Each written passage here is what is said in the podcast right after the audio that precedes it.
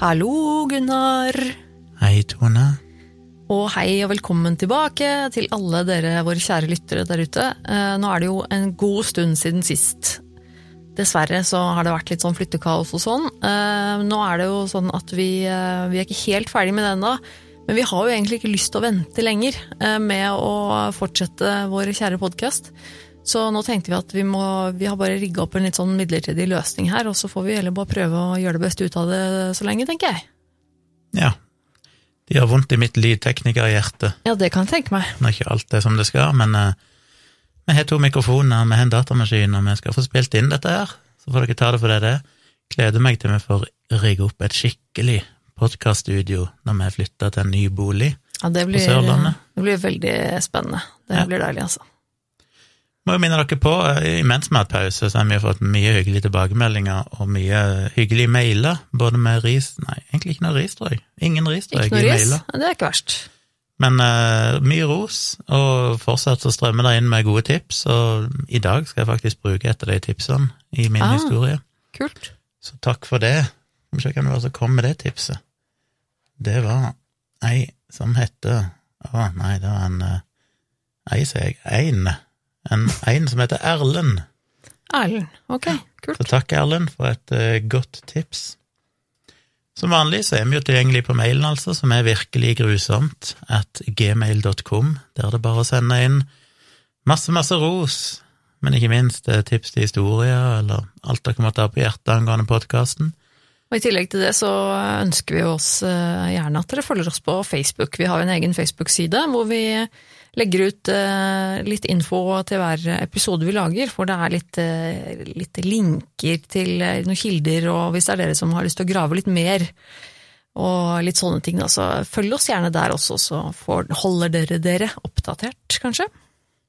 Ja. Og i dag så gjør jeg en litt sånn Jeg jukser litt, rett og slett. Jeg har slett valgt å, å ta en liten snarvei, for det, dette ble litt sånn på sparket at vi plutselig skulle ta en episode i dag. Ja, det gang litt uh, hasteopprigg og sånn Ja. her nå, men ja. Så jeg skal ta dette litt sånn improvisert, men det er ikke verdens lengste historie, så jeg tror det skal gå noenlunde greit. Mm. Vi skal litt tilbake i tid. Vi skal tilbake igjen til 90-tallet, og vi skal til Manchester i England. Hver gang jeg ser det, så tenker jeg på Hair. Hair?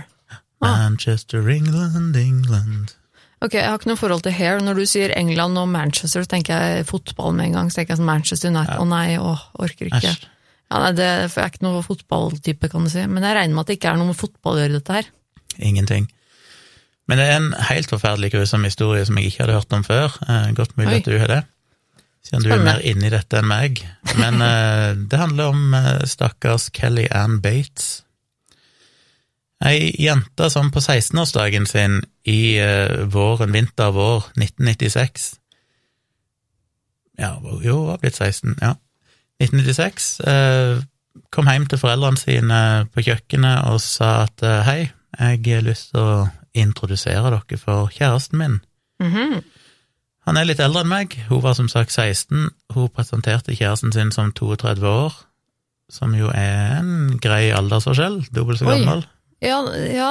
Det, eh, og jeg, altså jeg er egentlig veldig, eh, veldig sånn når det gjelder aldersforskjellige aldersforskjell i par, så er jeg veldig sånn who cares? Det er vel, det kommer jo, altså Hvem bryr seg om det er aldersforskjell og hvor stor den er? Det er jo bare opp til en Men det er sånn, når du er 16 Ja, det er noe det det er noe er 18, utgangspunkt, liksom. Ja, for det er liksom noe med at du i utgangspunktet burde være voksen. Når begge Ja. to er voksne, så tenker jeg at da er det vel ikke noe farlig, men eh, Det skulle jo da vise seg at det ikke var helt sant, for han var egentlig 49. Så han var What? 33, basically tre ganger så gammel som hun. det Jesus! Ok, så det var, det var enda verre enn det hørtes ut som. Ja, så hun forberedte de på at han var litt eldre og sånn, og når hun hadde gjort det, så kom han inn, og foreldrene har jo sagt, spesielt mora, da, at de fikk jo ganske sjokk, fordi at han så mye eldre ut enn 32, Han gjorde det, ja. Og hennes initielle respons var at hun fikk bare en sånn følelse av at hun hadde lyst til å ta brødkniven og kjøre inn i hjertet på han, Oi sann. som hun da kanskje angrer på at hun ikke hadde gjort eh, seinere.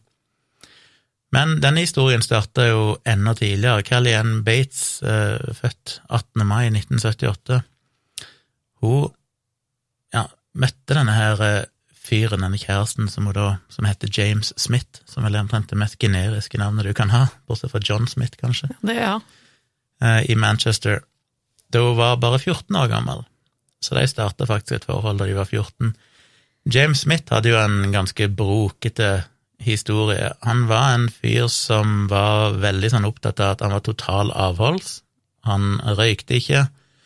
Eh, Veldig opptatt av å se bra ut og, og ha et rent og ryddig hus. Han hadde vært gift tidligere, han ble tross alt født i 1948, tror jeg.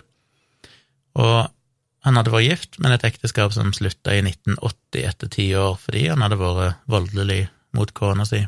Mhm. Så gikk han inn i et nytt forhold med ei 20 år gammel dame som heter Tina Watson, som han var sammen med i et par år, men hun er jo forklart seinere at eh, hun klarte til slutt å bryte det forholdet og komme seg vekk, for han var temmelig voldelig med henne òg. Dreiv og, banka opp ganske jevnlig, til og med mens hun var gravid med barnet deres. Jesus. Og det er jo litt sånn klassisk, hun har forklart seinere, at det begynte jo litt sånn små, smått, at det kanskje var bare litt sånn forsiktig dulting, holdt jeg på å si. Ja. Og så ble det litt hardere og hardere i ny og ne, og så plutselig var det hver dag, og så kunne han slå til henne i ansiktet, eller ta et askebeger og dunk, dunke i hodet, sparke henne i beina eller mellom beina. Men hun kom seg heldigvis da vekk etter at han hadde prøvd å drukne i badekaret en gang. Herregud. Så, etter at det forholdet slutta i 1982, så begynte Smith å date ei jente som heter Wendy Muttershead, som på det tidspunktet bare var 15 år gammel, og han eh, var voldelig mot henne òg. Og igjen så hadde han jo da på et eller annet tidspunkt holdt hodet hennes under vasken, eller under vannet i vasken, da, for å forsøke å drukne henne. Men nå har det jo tydeligvis eh, kom seg vekk. Så i 1993 så møtte han Kelly Bates. Eh, hun hadde vært barnevakt for noen venner, så de hadde møttes der på en eller annen måte. Og han hadde jo da begynt å groome henne for å få henne til å liksom bli interessert. Og litt uklart hvorfor en type forhold de hadde, det var litt sånn De var vel et slags forhold, men det skjedde ikke noe mer egentlig før to år seinere, altså når hun var 16 og Mm. var ferdig på skolen. Ja, for de møttes da hun allerede, allerede da hun var 14. Ja. Ja. Og det forholdet var litt sånn løst, tror jeg.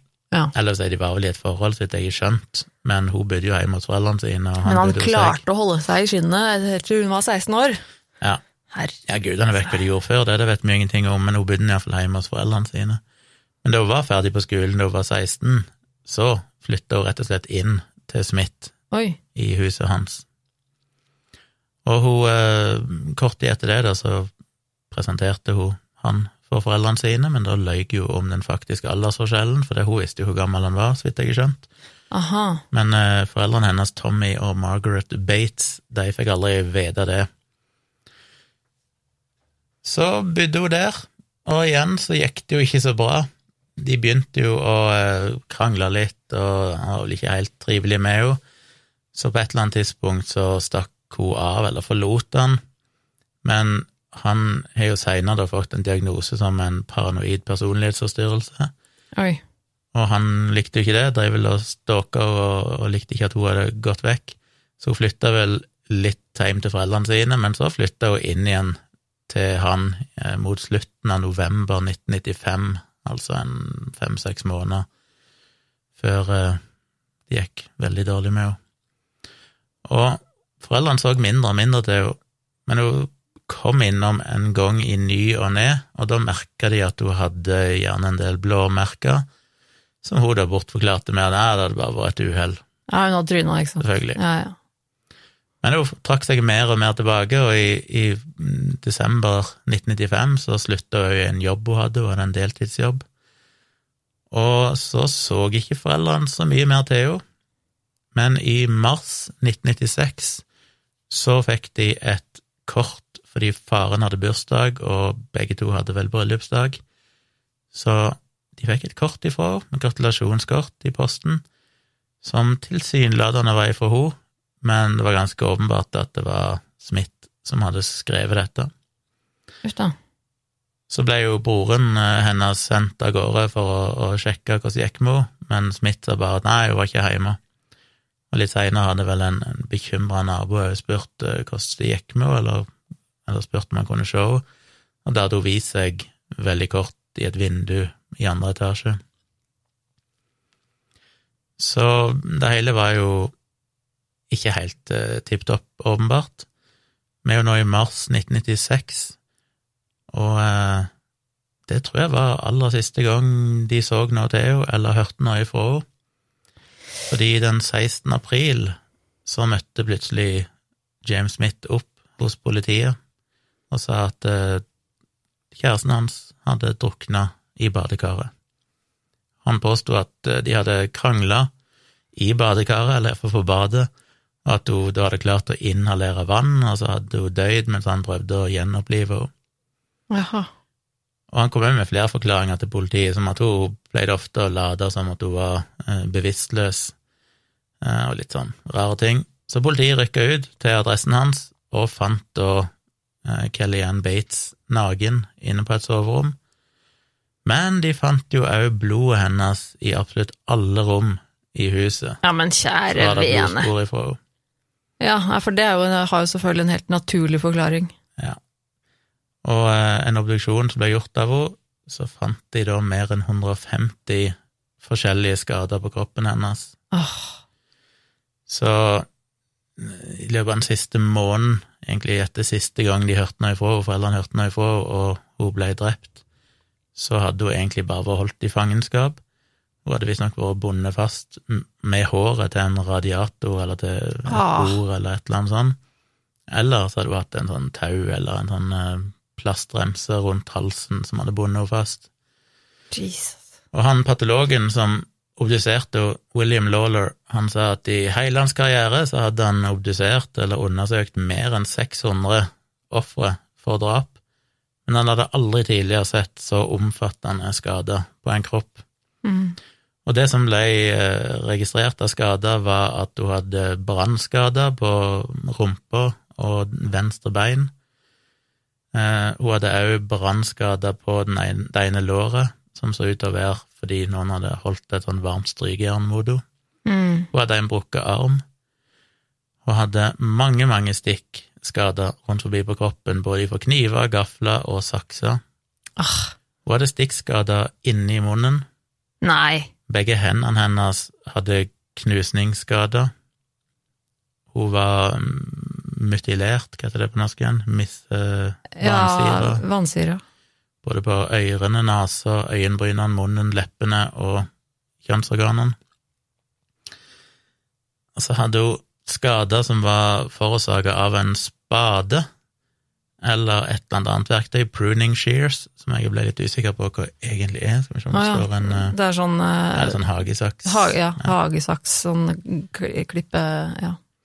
Men så kommer jo det verste, Å nei. fordi hun hadde fått begge øynene sine gravd ut av øyehulene. Nei! Og det sa patologen måtte ha skjedd senest fem dager før hun døde, men kan ha skjedd så mye som tre uker før hun døde.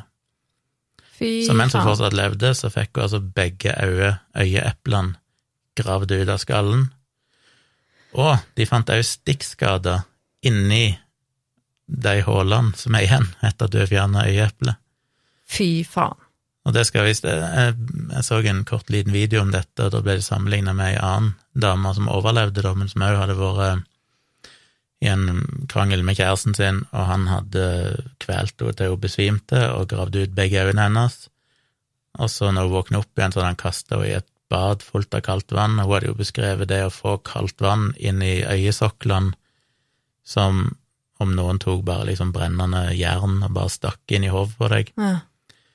ble litt overrasket over det, for jeg var litt sånn, hæ, hvorfor har vi, har vi så mye følelse inni der, hvorfor trenger vi nerve inni, ja. inni øyesokkelen? Men tydeligvis. Så det å få, jeg mener bare det å få gravd øynene ut mens det, ja, forhåpentligvis var hun bevisstløs, men det vet vi ingenting om. Men iallfall hun var levende, er vel noe av den mest intense smerten du kan tenke deg, vil jeg tro. Men så etterpå, da, i tillegg for da ting, gudene vet, kniver, gafler, et eller annet dukker inn i der igjen, eh, Jeg trekker det langt, for å si det mildt. Altså, det, det er jo det er drøy tortur, hun ble utsatt for, liksom. Det er jo ikke det er, Altså, én ting er jo det å bli på en måte Være sammen med en person som, er, som mishandler deg, og som at man blir slått og sånn. Det er jo ille. Men det her er jo tortur. Det er jo, hun ble jo holdt ja, ikke... fanget, fangenskap. Altså, dette er jo Ja. Nei, dette er Ja. Ah, fy fader. Hun var jo delvis skalpert. Hun hadde jo mista rundt 20 kilo i kroppsvekt. Mm, ja, hun fikk vel ikke så mye mat, kan jeg tenke meg, nei. 20 kilo, det er, det er mye. Det er mye. Og hadde visstnok ikke fått noe vann å drikke de siste dagene før hun døde. Nei. Og måten hun ble drept på til slutt, da, var visstnok at han hadde tatt henne inn på badet, og så hadde han fylt det med vann, og så hadde han slått henne hardt i hodet med, med, dusjen, altså dusj, hva heter det? Dusjhode? Ja. Så hadde hun falt i vannet, muligens besvimt og drukna, da. Ja, ok, så hun hadde faktisk drukna? Ja. Akkurat døde vel av drukning, faktisk, til slutt. Ja, så akkurat det var jo faktisk sant? Ja. Jesus. Men det verste her er at dette her, de fant disse skadene på kroppen hennes, stikkskader, sånn alle var i varierende grad av helbredelse. Mm. Så det har jo skjedd over lengre over tid. tid. Mm. Det er ikke noe som bare skjedde liksom siste dagen, eller noe sånt. Men hvor utrolig dum er du? Altså, jeg mener sånn, når du, når du har utsatt dette mennesket for det, det er jo veldig synlig, det er jo ikke ting han kan skjule på noe som helst måte. Det er jo ikke noe som kan komme, Han kan ikke komme med noen god forklaring, bortforklaring. Og i tillegg da når de kommer og finner Og han sier liksom nei, hun bare drukna. Og, og så har hun allerede mangler hun øyeepler, og det er ikke ja, måte på hvor mye som er galt med henne. Nei, nei, nei, det går, det, hun bare drukna, hun vil bare krangla, ja. liksom. Og så finner de blod. Ja, sånn, liksom. nei, hva, hva, er det du Hvilken verden lever du i da? Altså, nei, men det er vel åpenbart at dette er ikke en person som er veldig frisk. Nei, nei, nei. nei. Han er jo ikke på vår planet engang. Altså, det er jo på en måte eh, Da rettssaken begynte, så benekta han jo noe skyld og sa at det var egentlig hennes feil, for hun hadde drevet hele tida og liksom irritert han. Ja, ikke sant. Han, ja. ja. for da, ja. Mm. Han hadde Typisk klassisk. Ja, hun hadde liksom mobba han eller erta han med hans mors død. Ja, for hun ba om dette, hun egentlig. Det var liksom hennes ja, egen skyld, fordi hun hadde terget ham. Men i tillegg så hadde hun jo da alle disse skadene de fant på henne, sånn, det var ting hun gjorde på seg sjøl, det hun skulle få det til å se ut som at han var fæl med henne, ikke sant. Ja. Han er det evige offeret her. Ja. Uh, og når de spurte ja, ja, men hvordan i all verden kan det ha seg at eh, øynene hennes ble gravd ut, og at hun ble stukket med kniver og, og alt mulig sånn, så svarte han at nei, hun hadde utfordra han til å gjøre det, liksom, liksom tør du, ja, tør du? Uh, så han hadde gjort det bare fordi at hun da basically ville det, eller prøvde å utfordre han til om han turte å gjøre det. Så ingenting, ingenting, var jo hans feil. Tenk deg å sitte og si sånne ting med straight face. Da er du Altså, jeg lurer på om du på en måte på, på noe som helst nivå Om han tror at de tror på dette her? Ikke ved, altså Psykiateren eh, som vurderte han i denne saken, konkluderte med som sagt at han hadde en, et alvorlig tilfelle av en paranoid ja, personlighetsforstyrrelse eller sykdom, mm. og morbid jealousy, altså morbid sjalusi, ja, ja. og at han levde i en distorted reality, ja. basically en vrangforestilling. Ja, helt garantert. Så han har jo ja, Gudene vet om han har skjønt hva han gjorde i det hele tatt, eller om det bare om han har trodd at Det blir jo litt som folk som ender opp med å drepe folk fordi de tror noen er besatt av demoner, ikke sant? Ja. Det er sånn, I deres verden så er det jo selvforsvar. Ja. De har virkelig gjort dette fordi de tror det er til beste for seg sjøl og kanskje verden. Ja, det kan det godt. Mulig han har hatt en sånn idé om at hun var liksom genuint grusom med han. Og... Ja, det kan godt hende at han faktisk var så at han, at han hadde så sterke vrangforestillinger at han faktisk faktisk trodde at det var sånn at hun hun ertet han og mobbet han og var slem med han, og at han var et offer. Altså det, mm. Det, er, det er, jo helt uh, absurd hvor hvor uh, langt utafor virkeligheten noen kan stå, holdt jeg på å si. Han ble iallfall dømt uh, fort. Juryen brukte mindre enn en time ja, det vil jeg tro. på å finne han skyldig, og dømte han da til livsvarig fengsel. Dommeren mm. anbefalte at han fikk minst 20 år i fengsel, og sa da at this has been a terrible case, a catalogue of depravity by one human being upon another. Mm. You are a highly dangerous person. You are an abuser of women and I intend, so far it is in my power, that you will abuse no more. Ja. Han er visstnok i fengsel ennå. Skal vi se, han ble fengsla da kanskje i 96. eh, Når, når var han født? 48. Oi, ja, ok, så han begynner å bli gammel, da. Ja, like gammel som mamma, så da er han vel 72, et eller annet sånt. 73. Ja. Så han er gammel, ja. Men han er 96 Ja, så da er han sittet inne lenger enn 20 år, i så fall. Mm. Ja, nei, han slipper vel ikke ut igjen, han der. Ja. Nei, jeg vet ikke hvordan rettssystemet er i England, om de har sånn forvaring, og om du kan liksom fornye det Jeg innbiller meg at det Nei, det, nei, De sa jo det minimum 20 år, det må jo bety at Ja, du det er- kan forlenge det på et eller annet vis. Ja, faktisk litt usikker. Jeg skulle til å si at jeg lurer på om, de har, om det er ganske likt som i Norge, at du kan eh, At du kan At du kan i prinsippet sitte hele livet på Ja, jeg forvaring. tror det. Jeg tror vi har snakket om det før Eh, jeg, tror, jeg, men jeg blander hele tiden hvilke land som har hva, for at det er litt sånn Ja. litt eh, Men jeg, jeg lurer på det. Jeg tror i hvert fall de har eh, ganske sånn At de har ganske strenge straffer i, i England nå. At, du- at han nok mest sannsynlig kommer til å sitte inne resten av livet. Så han ble fort dømt. Juryen måtte jo få, eller fikk iallfall tilbud om profesjonell eh, hjelp etterpå, for at de skulle klare å håndtere den, det traumet det var egentlig å se bildene sånn av skadene Ja. til Kellyanne Bates, og bare det å høre om den ekstreme volden som hadde vært utført mot henne. Mm. Så det var egentlig historien, veldig kort og greit. Eller ikke så greit, egentlig, men eh, veldig kort iallfall. Stakkar. Hun var 16, han 49. Og nå kan en tenke, ja, hvorfor i all verden grep ikke foreldrene inn eh, tidligere? Men eh, det hadde seg visst sånn at eh, ettersom hun var 16 år, de gikk til politiet visstnok og prøvde liksom å, Men de gjorde det? Ok. å få de til å gripe inn og si at hun kan ikke bo med en 49 år gammel mann, men fordi hun var over 16, så kunne ikke de gjøre noen ting. Da er hun Nei, muligheten til å velge det sjøl. ja. Så de fikk ikke gjort noe. Nei, og det er jo det jeg tenker at det, At man skulle jo Skulle kanskje tro at det på en måte er, er rart at eh, foreldrene ikke klarte å redde henne. på en måte. Jeg tenker jo altså at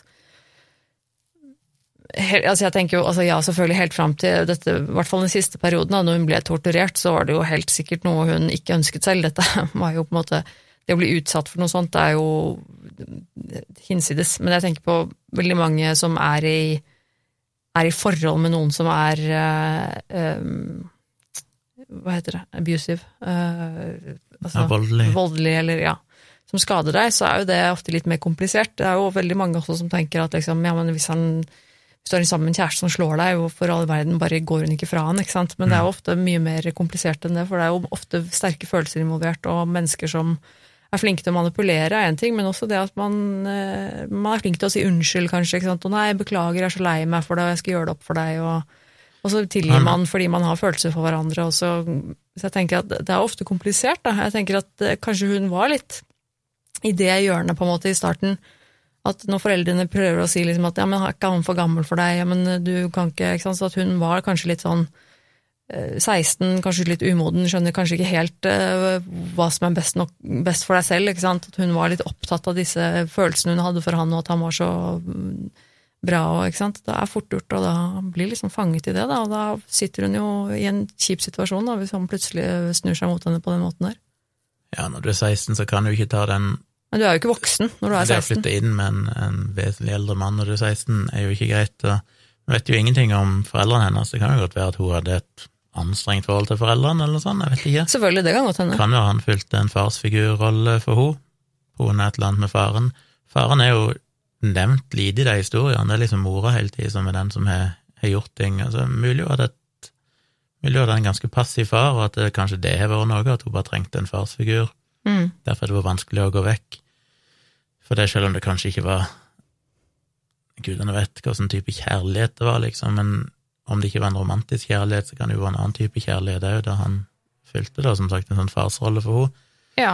Og hvis han da i tillegg er veldig flink til å spille på, på skyldfølelse og sånn, litt Mm. som det høres ut, ikke sant, at han er ekstremt sjalu, Ja. han klarer jo etterpå å fortelle at det var hun egentlig som, ja. Som ja, Ertet som som var slem mot Ja. han. Ja. Og da har jo han sikkert sagt det til henne òg, liksom, ja, for det er jo typisk med sånne Ja, partnervold og ja, sånn, at ja, men det er du som din feil, og det er du som gjør at jeg blir sint, og Ja, veldig manipulerende jeg har ikke lyst til å skade deg, men når du er sånn, så Så det blir det, det skaper jo alltid sånn farlig avhengighetsforhold som Ja, og jeg tror at, Men det er klart eh, at så er det jo styrkeforskjellen òg, for på et eller annet tidspunkt her så er jo hun fysisk da blitt holdt tilbake igjen. Det kan Ja. jo være at på det tidspunktet så ønsker hun å komme seg vekk, at det er derfor han måtte gå over til å faktisk binde henne fast og sånne ting. Ja, Det kan jo, og jeg tenker at det er nok ikke usannsynlig det, at hun kanskje begynner å tenke at nå begynner det å bli litt mye, han er litt for voldelig, eller nå Mm. er han litt for mye sint, og jo mer hun da prøver å trekke seg unna, jo, jo mer rabiat blir han på å holde henne igjen, ikke sant. Han blir desperat på å miste henne da, sikkert, og så går det over eh, grense til grense, liksom. Syns nok fortsatt at foreldrene var i overkant passive. Ja, Eh, Nå vet vi ikke hele historien sikkert, men ut ifra det jeg har lest, det virker liksom bare som at de prøvde en gang, kanskje, å oppsøke og liksom si at hei, vi vil se dattera vår. mm. Jeg mener, hadde det vært min datter, min datter er jo så snart 15, jeg bare tenker, hun ett år eldre og hadde flyttet inn med en basically 50 år gammel mann, så hadde jeg jo faen meg kommet Ja. på døra og sagt at nå kommer du her, og dratt henne ut av huset og sagt dette er jo ikke greit. ja, Jeg hadde ikke bare sagt sånn ja, ja, jeg må respektere at hun vil bo med en 50 år gammel mann og komme hjem med blåmerker, liksom. Det, Nei, i hvert fall ikke hvis hun kommer hjem med blåmerker og det virker jo som altså, sjokkerende passive. Men det er Ja. klart at Ja, det var en ganske kort periode, da. Det var jo noen måneder, så det kan jo være de det skjedde veldig sånn- fort. Ja, de prøvde jo å gå til politiet og sånn, så det kan jo bety at de har Og det virker som at de hadde vært der, men han hadde da bare sagt at ja, hun var ikke hjemme, sånn. Og det er litt sånn, hva kan du gjøre på det tidspunktet, da, hvis de aldri får sett henne, Ja. og politiet Og ikke de får hjelpe? tak i henne, og dette var jo på 90-tallet, var det så? Ja. så det var jo ingen, så hun hadde jo ikke mobiltelefon, hun hadde jo ikke Nei. sånne ting, det hadde man jo ikke, ikke sant? Så du måtte jo basically bare gå og ringe på da, og si hei, kan vi få se dattera vår? Ja. Kanskje de var litt redde for han òg, vet ikke åssen han så ut eller åssen han var, ja, men han kanskje var veldig manipulerende, kanskje han var veldig skummel, kanskje det, altså jeg tenker at Ja, så sa jeg jo første gang hun så han, så hadde hun lyst til å drepe han, så det er klart han ikke utstrålte en veldig Ja, positiv vibbe. Ja, nei, så, så Men likevel, jeg hadde jo satt meg ned på trappa og bare sagt ok, men jeg sitter her helt til hun Ja. kommer hjem igjen, eller Altså, det er Ja. rart du bare sier sånn, nå er jeg jo ikke hjemme, ja vel, og så går du hjem igjen, da, og Ja. tenker greit. Ja. Nei, veldig merkelig, men igjen, vi vet jo ikke Nei, vi vet jo ikke alt, pluss at det er jo gudene vet hva de egentlig har gjort. Og så er det jo lett å være etterpåklok på Ja. alt sånt, men det er klart, ja, det, jeg, jeg tenker jo at det, hva som helst som hadde vært gjort mer, hadde vært eh, bra, holdt jeg på å si. Altså Ja. sånn, det der er jo det verste omtrent som kan skje med en person, så tenker jeg at det Det kjipe er selvfølgelig at dette er en person som da har misbrukt minst tre, var voldelig eh, mot minst tre, muligens prøvd å drepe de, minst tre, tre damer tidligere. mm, Og så ser det ikke ut som at noe har skjedd der heller. Det mm, virker som at da rettssaken starta, så dukka noen av de damene opp og liksom vitna om at han hadde vært voldelig og sånn mot dem òg. Ja. Men igjen så er det jo tragisk, da. Hva er det som har skjedd der? Har de gått til politiet og så ikke blitt tatt seriøst? Jeg tipper jo at Eller de aldri turt å oppsøke politiet fordi de var redd for han? Men jeg mener, han burde jo vært stoppa før det gikk så langt. Ja, uten tvil. Han burde jo vært politianmeldt og stoppet for lenge, lenge lenge siden. Det er jo ikke noe tvil om det. Men det det er står som igjen, ingenting noe plass om at han noen gang har vært straffa for dette, eller blitt arrestert, eller Men, men jeg tenker jo at det kanskje umiddelbart, nå vet jo ikke jeg svaret, men jeg tenker jo at det umiddelbart går litt tilbake på det jeg snakket om tidligere, da. det med at, at man blir ofte manipulert til å, til å tro at ja, men det er meg det er noe galt med, det er jeg som Ja. gjør han sint. Og når han er en sånn type som er flink til å manipulere de han er sammen med, og gir dem dårlig samvittighet, og tenker at nei, det er min skyld at han ble sint, er, det, er no, det er meg det er noe galt med, eller Og det at man ofte da kan eh, være veldig sånn å, unnskyld, og jeg mente det ikke, og jeg er ikke en sånn person egentlig, og og så er disse damene da kommer seg ut, eh, heldigvis, av dette forholdet, kan jeg tenke meg at enten de da sikkert er såpass manipulert at de tenker at nei, han trengte bare å komme seg vekk fra meg, han, han er egentlig ikke sånn, det var egentlig min skyld, eller at de faktisk kanskje er redde for han, at det er bare sånn eh, bare glad for å komme unna i livet og vil ikke ha noe med hva han gjør, og redd for å melde fra, både for at man ikke skal bli trodd, eller redd for at han skal hevne seg, ikke sant, det kan være så mange ting, da. Jeg tenker at det, Og det er kjempe Det skjønner man jo, ikke sant? det er jo lett å skjønne, men likevel så er det jo kjempetrist, da, fordi at det er, han burde jo vært stoppa for lenge, lenge før det. Men én ting er jo disse voksne damene, da. Han hadde jo ei kone, men så hadde han jo ei 20 år gammel, Ja, som han da banka opp mens hun var gravid. ja det er altså jo helt drøyt, Og altså. han stak, hun forlot han jo i 1982 etter han hadde prøvd å, å drepe henne. igjen, det er litt sånn rart at ja, ok, en, når du da banker deg opp eller sparker deg i magen eller whatever når du er gravid, men så kommer jo denne 15 år gamle jenta. Mm. Og der lurer jeg litt på hva som har skjedd, for dette det er jo under seksuell lavalder i England òg, regner jeg med, på det tidspunktet. Ja, Og når du er han 20 så er du i hvert fall voksen, på en måte, men en, Ja. når du er 15, Det er da så jeg tenker sånn, burde ikke da foreldrene Ja. anmeldt han for at her Jeg mener, én ting er at du bryter loven med å eventuelt å ha sex med henne, men hvis du da uansett, uavhengig av sex, faktisk mishandler din 15 år gamle datter, Ja, kjæreste. Og har prøvd å, å drukne henne til og med, så er litt sånn Hvorfor har ikke politiet vært inne her og stoppa han? Nei, det er jo utrolig tragisk. Det, det er åh. Men det var jo ganske lang periode, da, for at det var i 1982 det ble slutt med hun 20 år gamle, og så begynte han å, å date hun 15 år gamle. Jeg vet ikke hvor lenge de var sammen, men han møtte jo ikke hun der Kelly Bates før i 1993, Mm. så det er jo åtte-ni år etterpå, kanskje. Vi Mm. vet ikke helt hva som har skjedd i de åtte-ni årene, og hva han har gjort da. Hvorfor hører vi bare om de tidligere damene? Er det fordi at de tre kanskje stilte opp i rettssaken, og så er det bare andre i mellomtiden som ikke vet noen ting om? Ja. Uh, jeg aner ikke. Men det er rart at en person kan være så jævlig, ja. og så skjer det ingenting. Ingenting som stopper han. Ja, det er veldig Det er veldig trist. Så det var i hvert fall historien. En grusom historie. En av de verste sånn torturgreiene Ja, det er ille, altså. jeg har lest. Så det Ja, det er eh, Ja, det er Det er, det er Ja. Det er eh, ganske fælt, må jeg si. Vi legger jo ved noen linker sånn i shownotes Ja. i podkasten, og de dukker òg opp under posten vår inne på eh, Facebook. Vi skal vel gi en grusomhetsskala, det hadde jeg glemt. Så lenge siden nå, Mm. helt ute av trening. Jeg sitter og tenker på det, ehm, men det er jo såpass eh, Ja, det er med Nå er det så lenge siden vi har jobbet med denne skalaen vår at det er nesten eh, ut, deg. av tune. eh, Men nei, jeg Det er- havner ganske høy altså, Du skal få lov å gi skalaen uten å tenke på hvor mange ofre det var, alt mulig sånn, men bare sånn ut ifra akkurat hun. Ja, ut fra liksom den følelsen jeg fikk, på en måte. Jeg får eh, null til ti, Ja. én til ti eventuelt. Hvor grusomt var dette å gjøre mot én spesifikk Ja, person? nei, jeg, jeg legger meg på en sånn rundt åtte, tror jeg. Bare åtte?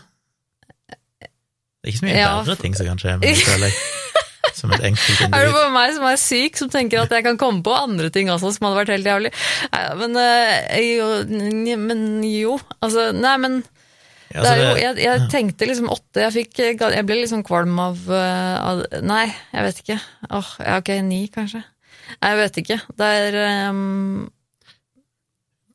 Men Jo. Hva ville gitt den historien sånn totalt sett, da, sammenlignet med alle andre, hvis vi tar med liksom graden, skalaen på det som skjedde? Jeg vet ikke. Jeg tror kanskje jeg ville gitt det omtrent ni hvis jeg bare tenker på henne.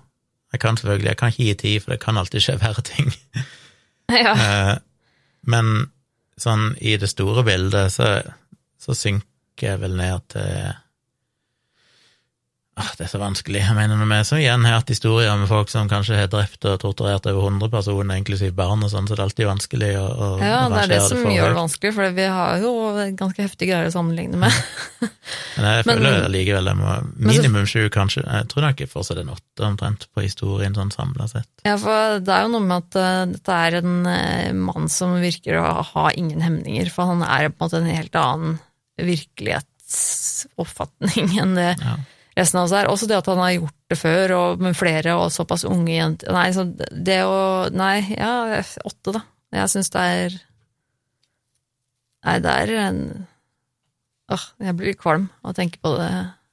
Men jeg vil gjerne høre hva du, kjære lytter, syns. Så skriv gjerne det inne på Facebook, inne på Virkelig grusomt si Facebook-sida, når den posten dukker opp, eh, forhåpentligvis i løpet av mandagen. Vi kommer jo med ny episode hver mandag.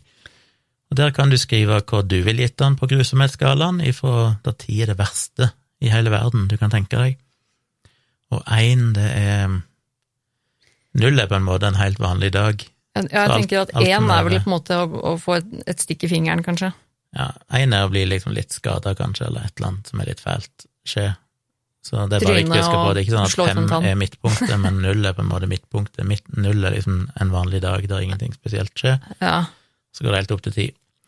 Så skriv gjerne hva du ville gitt, og gjerne gi en liten begrunnelse for den uh, karakteren du vil gi. ja, det er alltid de- veldig gøy å høre fra dere lytterne våre, hva dere Ja, er tenker når vi har fortalt en historie. Mm. Ja. Det var alt, tror jeg. Vi har ikke glemt noe nå. Jeg er så ute av trening. Ja, nei, vi har jo nevnt det som er å nevne. Eh, Virkelig så- grusomt at gmail.com er altså mailadressen. Ja. Er Veldig kult om dere går inn på Apple Podcast og gir dere fem stjerner. Eh, Kanskje du kan gjøre det på Google sin podkast-greie òg, jeg vet ikke. Alle plasser du kan gjøre det, men Apple er viktigst, siden det faktisk er den sentrale podkastkilden i verden den dag i dag. Så, eh, og den største podkastspilleren i verden. Ja. Så gå inn og gi dere fem stjerner der, skriv gjerne en hyggelig kommentar om hva dere liker. Eh, Jeg får lyst til å si det her òg, at vi får jo Jeg har lest noen av kommentarene, og når det er folk som gir en kommentar som er basically at dette var ikke den typen podkasten de ønska seg, Ja, for det er noen som gjerne vil ha en true crime, true crime-podkast som er sånn manusbasert, hvor Ja, folk sitter og leser en historie, historie. med et manus. Men det er jo bare Det er ikke noe feil i det i seg sjøl, men det er bare Det er en det er, det er en annen type podkast. Ja, det er litt sånn surt når folk gir dere en dårlig terningkast, altså en dårlig rating, fordi vi ikke er den podkasten de vil. For det er sånn, ja, men da kan du høre på en annen podkast. Skal du gi dere dårlig rating, så må det være fordi du vil kritisere dere for noe vi gjør i det formatet vi faktisk er det vi holder dere innenfor. Um, Ja, jeg tenker at uh, håper folk uh, tar oss for det vi er. Vi prøver ikke å gjøre noe vi ikke vi Jeg lager er, den jeg på podkasten som jeg savner der ute sjøl. Så veldig hyggelig. Det betyr faktisk veldig mye for spredningen av podkasten, og hvor mange andre som får den når de søker og, finner ny podkast-appen sin. Så bruk to minutter på å gå inn på Apple Podkast, gi oss fem stjerner. Det tar bare et par klikk. Og hvis du gidder, så kan du skrive en kommentar. Det er ikke noe du må gjøre, men eh, det er jo hyggelig, det òg. Fortell noen du kjenner om podkasten vår. Det er, Det er også minst like viktig. Og så takker vi selvfølgelig til alle som har hørt på denne uka også. Nå håper vi som sagt å være tilbake mer eller mindre som vanlig eh, hver uke framover. Eh, og så ja. Høres vi igjen om ei uke. Det gjør vi da. Ha det. Ha det.